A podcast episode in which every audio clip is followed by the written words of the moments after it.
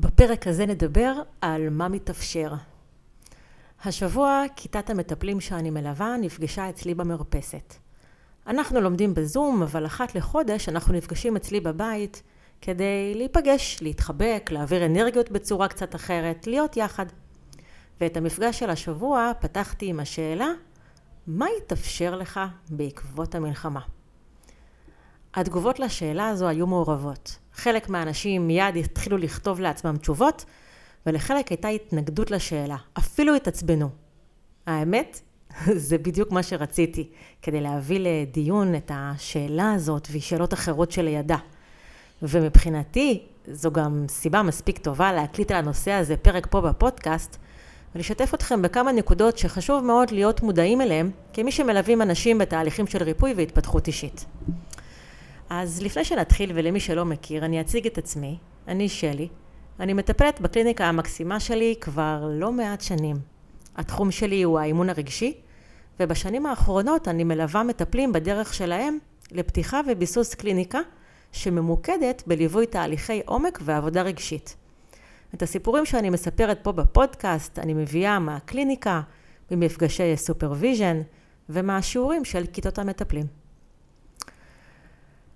אז לפני כמה שנים ליוויתי אישה שחלתה בסרטן. אני זוכרת שכמאמנת צעירה שאלתי אותה את השאלה שהיא גם קצת ידועה לשמצה, אז מה המתנה? מה המתנה שהביא לך סרטן? מי שמלווה בעבודה רגשית מכיר את השאלה הזאת שבגדול יש בה גם היגיון. בהבנה עמוקה שכל משבר, קושי או כאב מביא לפתחנו שיעורים שאם נסתכל עליהם במסגור הנכון נבין, נבין עד כמה הם מעצימים. כדי ליישר רגע קו עם כל מי שמאזין פה לפודקאסט, בואו נגיד משהו על מסגור. מסגור, למסגר. בעולם העבודה הרגשית זו אחת המיומנויות החשובות ביותר. זו המיומנות לפרש אירועים בפרשנות נוספת, או שונה מהפרשנות הראשונה שעלתה לנו. לראות דברים מכיוון אחר, לתרגם תמונות בעזרת מסגרת אחרת, מה שמשנה לחלוטין את החוויה הרגשית. וזה חשוב מכיוון שמי שמלווה בעבודה רגשית יודע שמה שחשוב זה לא בהכרח המציאות, אלא המציאות שחווה האדם, ושהאדם יכול לחוות מציאות שהיא לא בהכרח המציאות היחידה. אז היכולת הזאת למסגר, להרחיב את זווית ההסתכלות, לקבל תובנות רחבות, היא יכולת קריטית כדי לנווט מבחינה רגשית בעולם. Uh, אתן לכם דוגמה למסגור קלאסי שכל ממסגר מתחיל מכיר. לדוגמה, אל תגיד קשה, תגיד מאתגר. מכירים את אה, אל תגיד קשה, תגיד מאתגר? זה אותה הגברת בשינוי אדרת, אבל שינוי האדרת מצפים ממנו שייצר חוויה רגשית שונה. אז פה אני אעשה רגע הפסקונת עם המתנה ועם הסיפור שהתחלתי מקודם. אני אעשה רגע הפסקונת, להגיד, רגע, אני אתייחס רגע לקשה ומאתגר. Uh, המסגור של קשה ומאתגר זה מסגור לא מספק, שלדעתי עושה נזק. בכללי, הכלים של עבודה רגשית בידיים של מאמנים שהם לא מספיק עמוקים, יכול לייצר נזקים אינסופיים. אבל כמה פעמים פגשתי שאומרים לאדם שקשה לו, אל תגיד קשה לי, תגיד מאתגר לי. והאדם אומר, נכון, מאתגר לי. אבל בפנים הוא עדיין מרגיש שקשה לו. אז מה קיבלנו מזה? או מצב שבו האדם מרגיש שהסיטואציה אמורה להיות מאתגרת, אבל היא קשה, ולכן תחושת הערך העמוקה שלו יורדת. או מצב שבו אנשים אומרים, סתם, כן, כן, אבל נשארים עם הקושי. זה מצב של הסיסמאות המרגיזות של עולם ההתפתחות האישית, שלתפיסתי ממש הורסות לנו את המקצוע. מסגור טוב ועמוק לא נמצא רק ברמת השפה, אלא חייב לעבור ברמות העמוקות של התודעה וההפנמה. ורק כשהאדם מסוגל באמת לעבור מתחושה של קושי לתחושה של אתגר, עשינו עבודה טובה. וזה לא קורה רק על ידי סיסמה, זה לא קורה רק על ידי אל תגיד קשה לי, תגיד מאתגר לי. אז בואו ניתן רגע דוגמה לאיך באמת עובדים עם קשה ומאתגר. נגיד שמשהו קשה לכם. למה זה קשה לכם? בגדול, התשובה הרחבה ביותר שאפשר לתת היא כי כרגע אתם מרגישים שאין לכם את הכלים או את היכולת להתמודד עם הדבר. לא חשוב איזה כלים, נסתכל על זה ממש בראייה רחבה. כל פעם שאנחנו פוגשים איזשהו קושי, זה סימן שכרגע אנחנו לא מחוברים לכלים שיקלו עלינו. עכשיו, כלים יכולים להיות כלים רגשיים, יכולים להיות כל מיני מקורות הקלה, יכולים להיות המחשבות שלנו, אמ, וקושי, אם ניתן לו מילים, קושי מרגיש כמו אין לי כלים, תקוע לי, אני לא יכול, גדול עליי, מלחיץ אותי, אני לא מנהל את זה, וכאלה. עכשיו, ברגע שמגיע מישהו, משהו, הבנה, חיבור, ואנחנו רק מתחילים להבין איך אפשר להקל על עצמנו, הקושי מתחיל להתרחק, להתרכך. הוא לא בהכרח נעלם, אבל הוא כבר פחות משפיע או פחות משתלט. וזה היה רגע על קושי. עכשיו נעבור למאתגר. מה ההבדל בין קשה לי ובין מאתגר לי? כשמשהו מאתגר אותי אז לא קשה לי? בטח שיכול להיות קשה לי. אתגר הוא קושי שעבר מיתוג, והמיתוג הפך אותו למשהו שאפשר להתמודד איתו. אז אתגר הוא קושי שיש בו אופציה, קושי שיש בו עתיד, הסתכלות על נקודת היציאה מהקושי, ולכן החוויה הרגשית מאתגר היא שאני יכולה. ולכן אנחנו אומרים, אל תגיד קשה לי, תגיד מאתגר אותי. כי בעצם רוצים לייצר למוח חוויה רגשית שמאפשרת לשים את הפוקוס על ההתמודדות ולא רק על התחושה הקשה של הקושי. אז באתגר יש קושי. זה קצת כמו שספר ומעצב שיער מייצרים חוויה שונה, אבל שניהם מטפלים לי בשיער.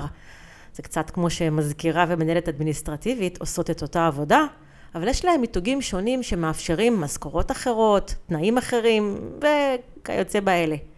זה קצת כמו שהמטופלים שלי אומרים שאני הפסיכולוגית שלהם, ואני לא, אני מאמנת רגשית. לצערי, כרגע זה אומר שהמיתוג של הפסיכולוגית מנצח את המיתוג של המאמנים הרגשיים, אבל זה לא לאורך זמן, ואני חלק מאלה שיעבדו כדי לשנות את זה. אז ברמה העמוקה, אם אני רוצה להעביר אדם מחוויה רגשית של קושי לחוויה רגשית של אתגר, זה לא יעזור אם אני אגיד לו, אל תגיד ככה, תגיד ככה. מה שיעזור יהיה אם אני אשאל אותו, מה אפשר בכל זאת לעשות כדי להתמודד עם הקושי? או מה הכי קשה לך? או מה הדבר שבונע ממך להסתכל קדימה? או מה היה יכול לעזור? או מה הדבר הכי קטן שאפשר לשנות? כל מיני שאלות שכשעונים עליהן, הקושי הופך לאתגר. באמת.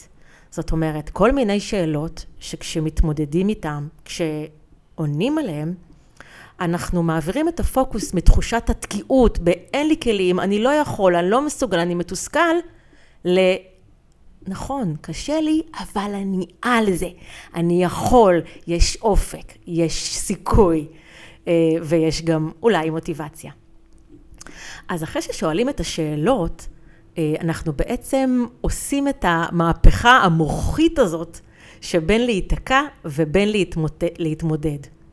וגם כשנותנים לגיטימציה לזה שגם אתגר יכול להיות קשה וזה לא אומר שלא מתמודדים, רק אז אפשר לעבור לשלב הבא, להגיד תגיד ככה או אל תגיד ככה. אבל זה בגלל שקודם עשינו את הסיבוב המנטלי העמוק. המוח של האדם כבר יודע טוב טוב מה זה קושי ומה זה אתגר ומה ההבדלים ביניהם. טוב, אז זאת הייתה הפוגה דרמטית על משהו קטן שעושה שינוי גדול, ונחזור רגע למה המתנה. רגע, רגע לפני, בבקשה. בבקשה תגידו לי שיותר לא תגידו, אל תגיד קשה, תגיד מאתגר. זה נורא משטיח את החוויה הכללית, הכללית של אנשים, זה גורם להם להרגיש טיפשים, או לא מחוברים, או לא מסוגלים, או שאתם לא באמת איתם, ולעיתים קרובות הם אומרים כן, נכון, ונשארים לבד עם הקושי שלהם. אז הנה אנחנו מוצאים את הדבר הזה מהלקסיקון, ובואו נחזור למתנה. אז באותו יום שאלתי את האישה המקסימה שחלתה בסרטן, מה המתנה? והיא חטפה עליי קריזה. אין בזה שום מתנה, אין בזה שום דבר טוב, יש רק רע בזה, ואת מעצבנת אותי עם השאלה הזאת. ואוך שאני חטפתי אגרוף לבטן, אבל זה הגיע לי. ולמדתי, ועכשיו אני אחסוך לכם את האגרוף הזה, או לפחות ארחיב לכם את זווית ההסתכלות. אם דיברנו מקודם על מסגורים ועל פרשנויות, מתנה ממוסגרת כמשהו טוב, ארוז בנייר צלופן שאנחנו אוהבים לקבל. לטוני רובינס יש שאלה שהוא שואל אותה בסמינרים, אתם אוהבים הפתעות? וכולם צועקים, יס! והוא אומר, ממש לא נכון, אתם אוהבים הפתעות שאתם יודעים שהן טובות. אתם ממש לא אוהבים הפתעות שלוקחות אתכם למקומות לא נעימים.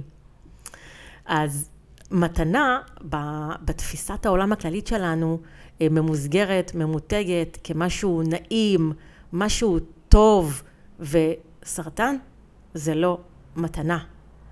אז לתפיסתי, מטפל לא צריך לעולם לשאול מה המתנה שיש במשבר.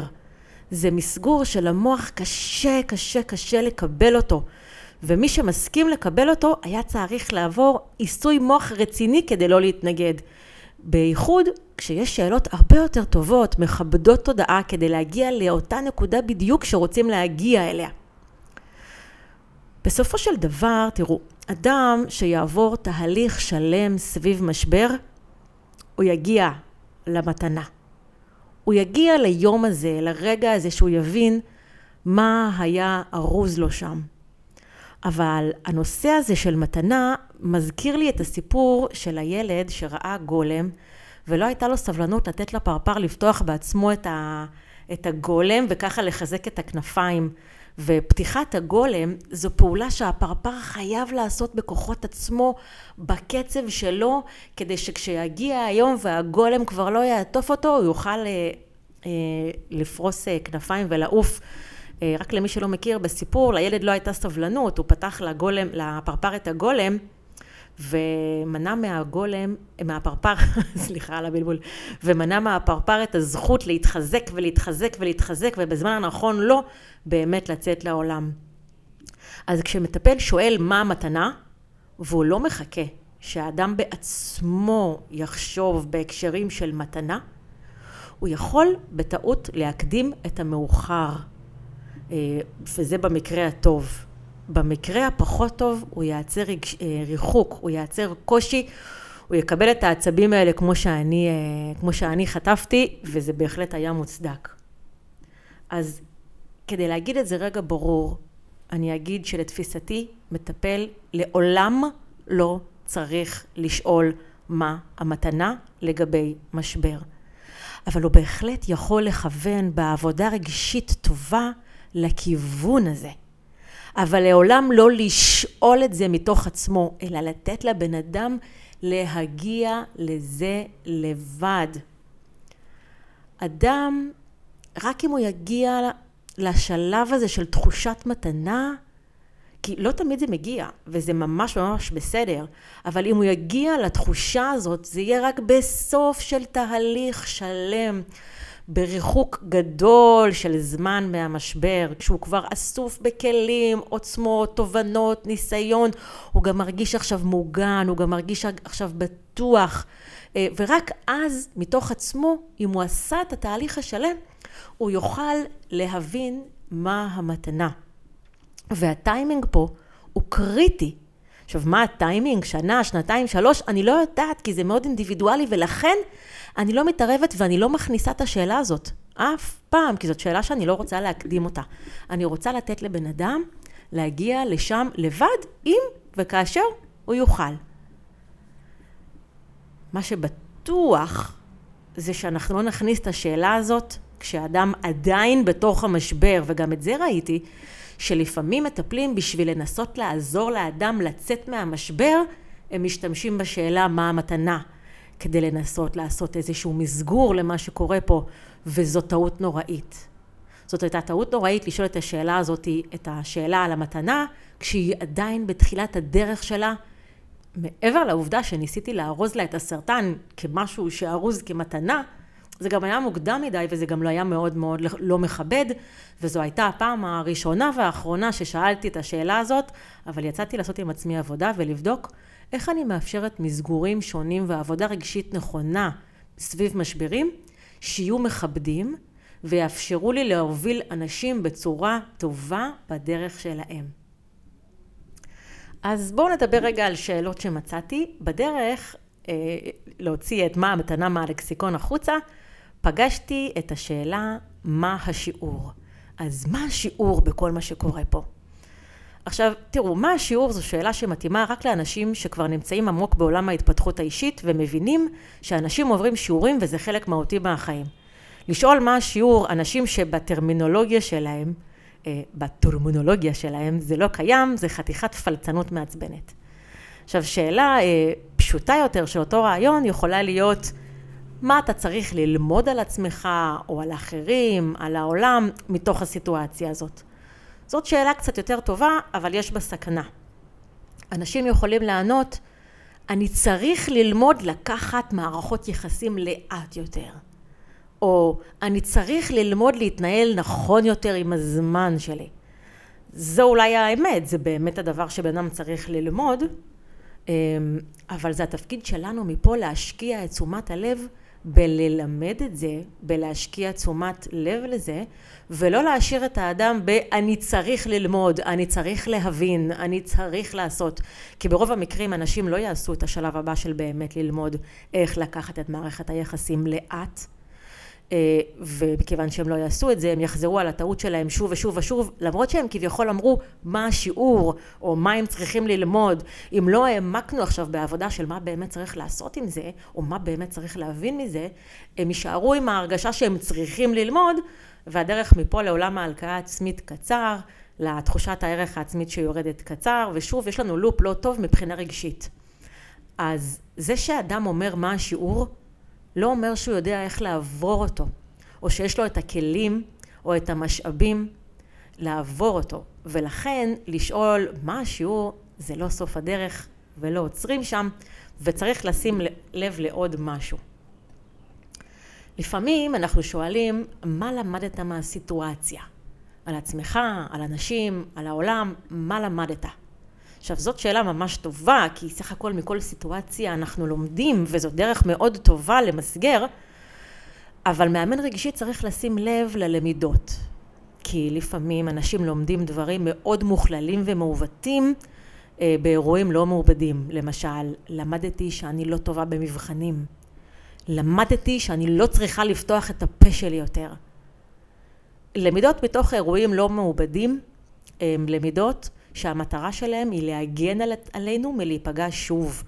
אה, אבל הן לרוב לא למידות שבאמת כדאי לקחת אותן ברצינות, הן למידות מאוד הגנתיות, אבל הן לא למידות שכדאי להשאיר אותן לעתיד, כי הן למידות שבדרך כלל עושות לנו מניעה והתרחקות ופחד להתנסות. אז המאמן הרגשי אה, כן חייב לקחת אותם ברצינות, כדי לנקות אותם מהיסוד.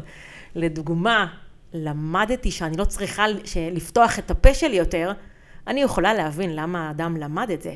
אבל זה מדליק לי נורא אדומה לגבי זה שאני צריכה לעבוד טוב טוב עם האמונה הזאת שלו, כדי לא באמת להשאיר אותה אה, אצלו, כי יש לה הרבה מחירים.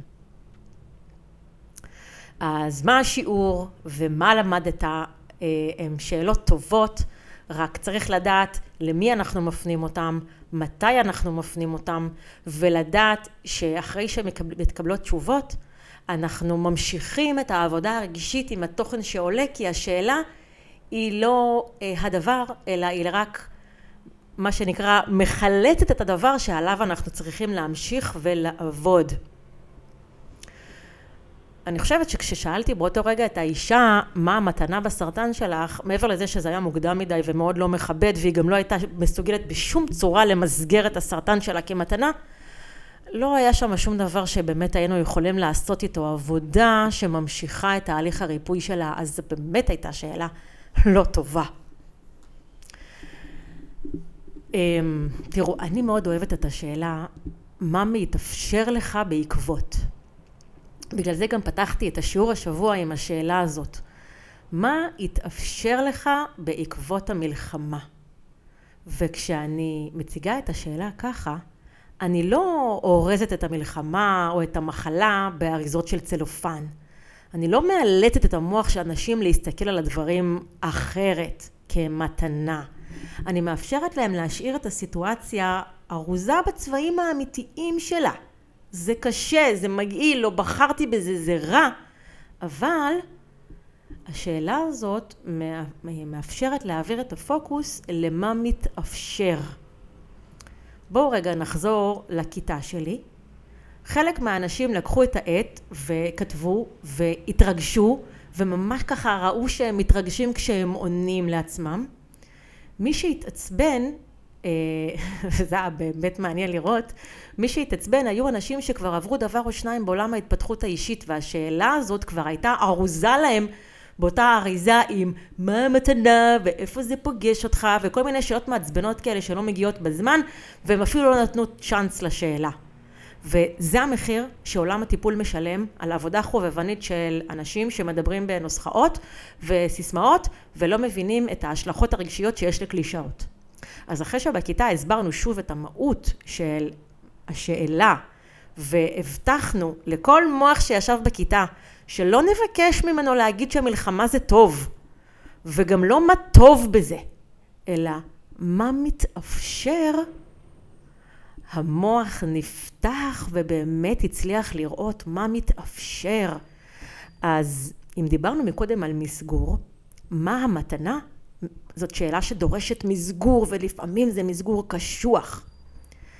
השאלה מה מתאפשר היא בכלל לא ממסגרת את המשבר, את המשבר או את המחלה כמשהו. השאלה היא לא שאלה של מסגור, היא שאלה שהמהות שלה היא הרחבה של זווית ההסתכלות וגם לה יש טיימינג כן? גם, גם פה יש טיימינג חשוב. אני שאלתי אותה כמעט חודשיים לתוך המלחמה, אחרי שידעתי שזה בסך הכל עניין של פוקוס להסתכל על מה התאפשר. ומה למשל היו התשובות? היה מי שענה שמה שהתאפשר לו זה להיזרק על הספה במשך שעות בלי תחושת אשמה. היה מי שענה שמה שהתאפשר לו זה יותר זמן עם המשפחה. היה מי שענה שהתאפשר לו למצוא בעצמו כוחות. לשאול מה התאפשר זו שאלה עדינה וטובה שמאפשרת להעביר את הפוקוס למשאבים שגילינו בעצמנו, למה שלקחנו לעצמנו, להכיר דברים שרצינו או התגעגענו אליהם ולא אפשרנו אותם לעצמנו קודם, אבל משום מה עכשיו במשבר זה יתאפשר. וגם זה מעניין. יש דברים שאנשים שיתפו שהיה ממש מעניין להבין למה דווקא המלחמה או. או משבר אפשרו אותם, למה זה לא התאפשר קודם. דרך הרחבת השאלה אפשר ללמוד הרבה על אמונות, על ערכים, על מה מותר ומה אסור אצל כל אדם. אפשר לגלות מה החל... החלומות הפרטיים שהוא דחה ליום אחר. אפשר לגלות איזה קשיים הוא מחזיק ורק עכשיו מותר לו לשחרר. אז הנה מתנה. אנחנו לא נשאל מה המתנה. הנה המתנה שלי לכם. קחו את עצמכם רגע לסיבוב מחשבה דרך השאלה, המלחמה הזאת היא הדבר האחרון שביקשנו.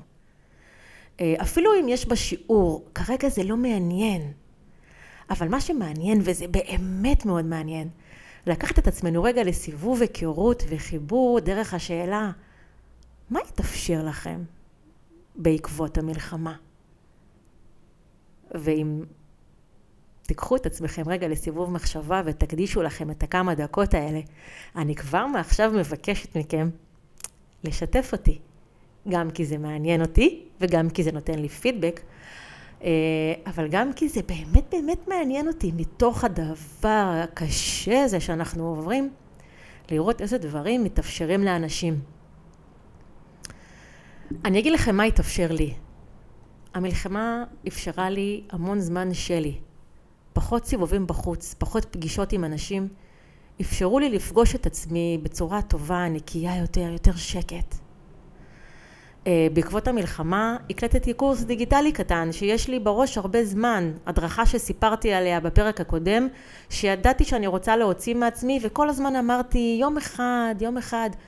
פתאום בעקבות המלחמה היה לי יותר זמן מול המחשב אז עשיתי את זה, ותודה. אה, מה עוד התאפשר? יוסי ואני עשינו שינוי בתוכניות הכלכליות שלנו. זה שינוי ש... זה גם שינוי שישב לנו בראש הרבה זמן. אבל משהו במלחמה הרים לנו את תחושת הדחיפות לביצוע וממש הוצאנו את זה לפועל. וכדי להרים לעצמי קצת, אני אגיד שלראות עד כמה קהילת מטפלים שנפגשים על בסיס קבוע, זה דבר חשוב. ידעתי את זה גם קודם, אבל בעקבות המלחמה התאפשר לי לראות עד כמה זה חשוב. זה מאוד מאוד שימח אותי, ויש עוד הרבה דברים, אבל זה הכיוון, ואני מציעה לכם בחום לקחת לסיבוב מחשבה את מה יתאפשר לכם. אז בפרק הזה דיברנו על מה המתנה ועל זה שלתפיסתי זאת שאלה שצריך, שלא לומר להוציא אותה לחלוטין מהלקסיקון, אלא ממש ממש להיזהר, ועל מה השיעור ומה אני לומדת, מה אני רוצה ללמוד, מה למדתי ולשים לב. ולשים לב לסיסמאות ולקלישאות ולדברים שאנחנו אומרים אותם בצורה שטחית שמשאירים אנשים עם תחושה שכולם יודעים משהו שאני לא מצליח לעשות או, או כן נכון ואז הם נשארים לבד עם איזושהי חוויה של קושי. אמ, שמתי לב שהפרקים שלי לפעמים יוצאים נוקבים. כמי שמלווה את עצמי, אנשים ומטפלים, אני רואה שלפעמים העבודה שלי היא לדחוף ולהיחשף לדברים שכדאי להיחשף אליהם, אבל לפעמים העבודה שלי היא לנקות לכלוכים שנטמעים שם בטעות רק כי לא חושבים עד הסוף ועובדים בצורה שטחית וזה נורא נורא מעצבן אותי. אז גם בגלל שכן, גם אני כמו כולם עושה טעויות, אני שומרת על חמלה ובכל זאת אומרת כאן בקול רם את מה שצריך להגיד כדי שנוכל כולם לחזק, לשפר, להשתפר, לשים לב ולקחת אותנו יותר ויותר ויותר ויותר בצורה מקצוענית. אה, אני רוצה להגיד לכם תודה שהייתם איתי פה בפרק. אני אשמח באמת אם תספרו לי מה אתם לוקחים ממנו. אני מקווה שהוא היה לכם מעניין ומועיל והעמקתם בשאלות. אה, אני אאחל לנו שיהיה לנו המשך שבוע שקט.